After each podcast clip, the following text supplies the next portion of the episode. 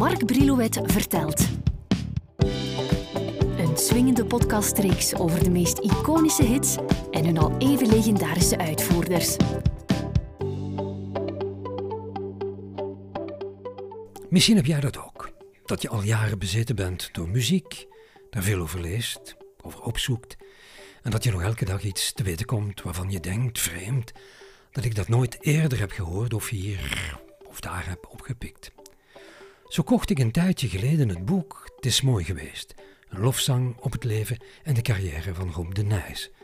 Het boek is een uh, geautoriseerd verslag van diens loopbaan.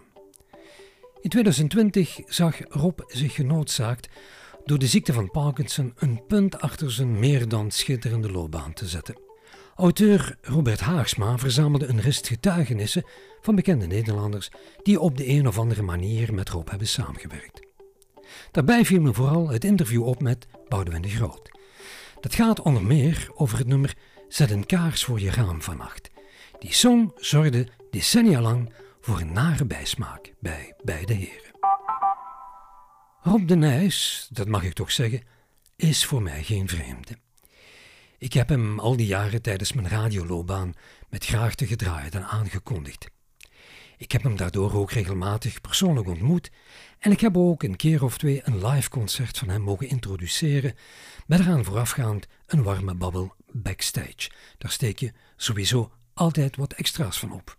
Ik denk dat we de Nijs gerust tot een van de beste zangers van het Nederlandse lied mogen rekenen. Je kan zijn carrière zo'n beetje in twee delen opsplitsen. De 60s, toen de Nijs als een soort tieneridool in de markt werd gezet, samen met Willeke Alberti en Anneke Greunlo. Rob moest het toen vooral hebben van vertalingen van buitenlandse successen, zoals Ritme van de Regen, Stil Verdriet en Anna Paulona. In 66 scoorde Rob zijn laatste tienerhit in de Nederlandse top 40. Kijk het maar na, tussen dan en 73 is er van de Nijs in de hitlijsten niks te bespeuren. In de 60s liep de Nijs links en rechts Boudewijn de Groot wel eens tegen het lijf. Niet dat die laatste hoog opliep met de successen van Rob, want het was niet zijn cup of. Vooral textueel stoorden de liedjes hem. Maar hij vond de Nijs wel een goede zanger. Dat herinner ik me nog van de babbel die ik ooit met Boudewijn de Groot had. Nu overkwam de Groot zo'n beetje hetzelfde als Rob. Boudewijn scoorde in 65 zijn eerste hit met een meisje van 16, om zo rond 68 zijn greep op de Nederlandse top 40 te verliezen. De Groot ging intussen in een commune leven. Zijn interesse lag toen vooral daar. Maar hij moest na een tijdje vaststellen dat zijn bankrekening aardig opdroogde en dat er dringend geld op tafel moest komen. Hij kwam met zijn toenmalige platenfirma Phonogram tot een deal. Hij werd aangesteld als producer. Zo ging hij onder andere platen produceren voor Don Rosenbaum, die je nog moet kennen van zijn hit Swimming into Deep Water. Op zekere dag vraagde de directie of Boudewijn het niet ziet zitten liedjes voor een zekere Rob de Nijs te schrijven. Die wou kosten wat het kost een nieuwe draai aan zijn carrière geven. Niet meer doorgaan voor een tieneridool, maar wel voor een zanger van het betere lied.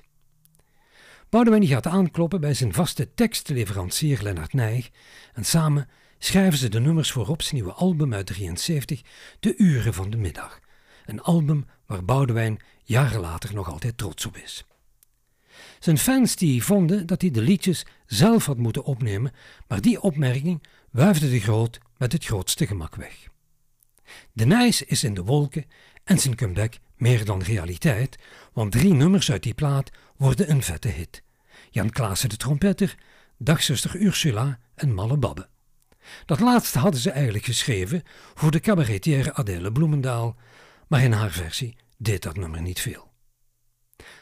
Dit ook even terzijde, maar goed om te onthouden, is dat op die LP van Rob ook het nummer De Avond staat, dat jaren later als Avond door Boudewijn volledig herwerkt zal worden en ook opgenomen, en nu gerekend wordt tot een van Boudewijns mooiste songs.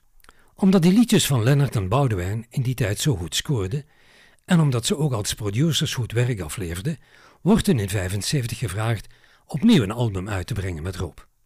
Deze keer verschijnt het op het fonogramlabel als Kijken hoe het morgen wordt.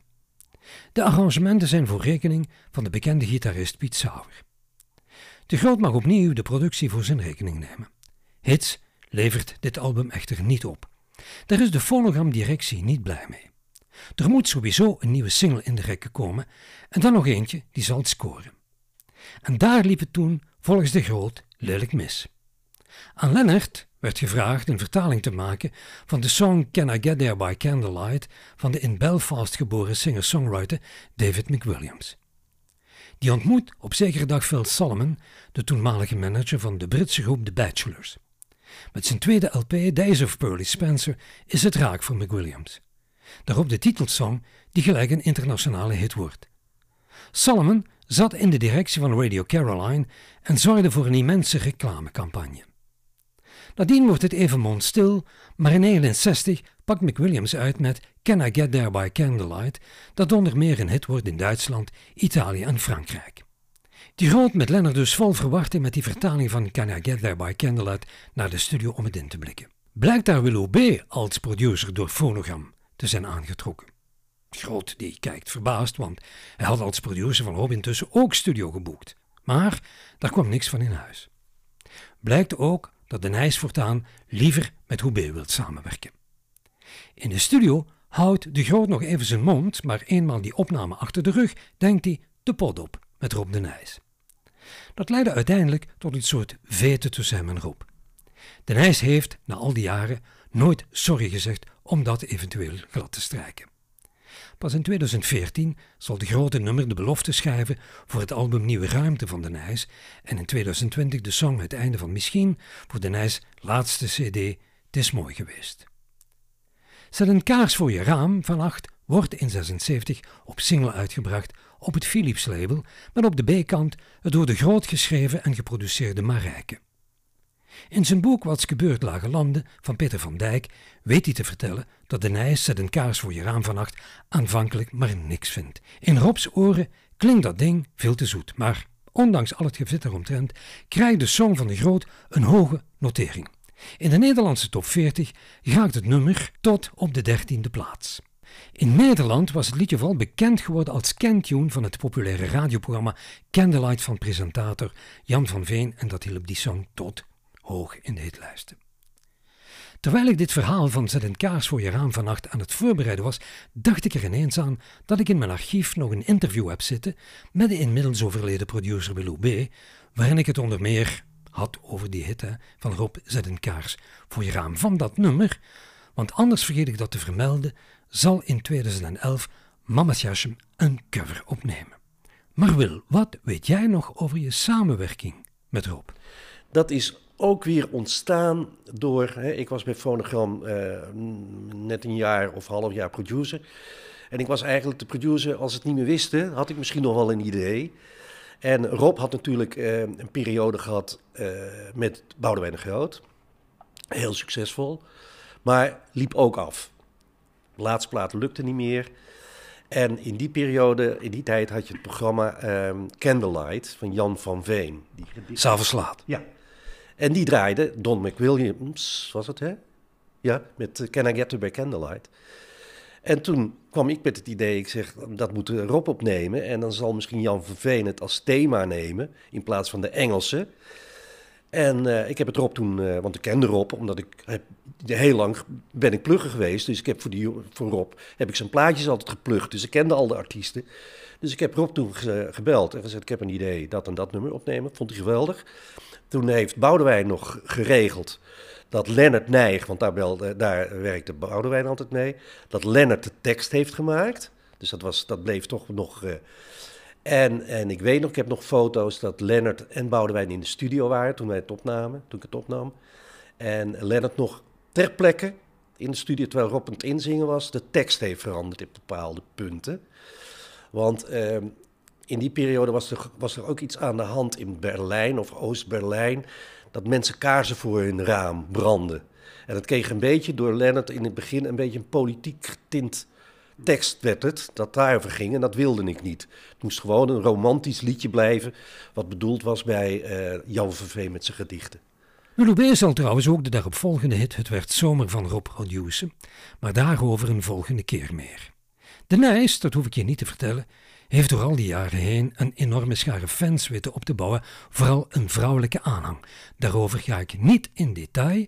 dat doet hier niet ter zake. Maar wat me tijdens een babbel van hem opviel, en wat ik na al die jaren nog een beetje vreemd vind naklinken, is dat Rob de Nijs niet zo hoog opliep met dat woordje fan. Als je zo lang bezig bent als ik, eh, dan is het onontkoombaar dat je, een, dat je fans hebt. Ik bedoel, dat is, uh, hoewel ik vaak het idee heb dat men mensen al gauw fan noemen. Het, is natuurlijk, het blijft afgeleid van fanatic, fanatiek. En de echte fanatieke fans ik weet niet of ik die. Of, of, of ik, ja, ik heb er wat ambivalente gevoelens over. Uh, ik heb ook geen fanclub meer, namelijk. En mhm. Die heb ik eigenlijk zelf opgeheven, omdat ik het meer op een soort uh, roddelclubje ging lijken dan op echt mensen die geïnteresseerd waren in mijn muziek. En dus je hebt mensen die, ja, die reizen hiernaar, waar ook een ontzettend aantal hele aardige mensen bij zijn, die het gewoon inderdaad die geen genoeg van je muziek kunnen krijgen. Ja. Maar je hebt ook mensen die denken dat als ze vaste fan, hè, dat is dan ook zo'n begrip, zijn, dat die een aantal uh, privileges hebben. En die zijn er natuurlijk niet. Ik praat met, natuurlijk met, praat met, met, met, met, met mensen. Uh, als, uh, ik ben wat dat betreft behoorlijk bereikbaar. Maar de grens ligt bij me toch nou, globaal bij mijn voordeur. Een verhaal apart over Rob de Nijs, zijn fans en zijn relatie met Boudewijn de Groot. Ik hoop dat je er wat van hebt genoten. Of je nu in Vlaanderen woont, in Nederland, in Frankrijk, ja zelfs in Amerika, daar wordt naar ons geluisterd door. Je mag, als je zin hebt, altijd reageren. Dit is mijn adres, markbrilouet.telenet.be. Vooral waar en hoe je luistert interesseert me. Dat maakt het voor mij wat gezelliger, want van hieruit, achter mijn microfoon, kan ik me daar in de verste verte niet veel meer voorstellen. In elk geval op voorhand bedankt en vergeet ook niet bij jullie kennissen en vrienden onze podcast eens aan te kaarten.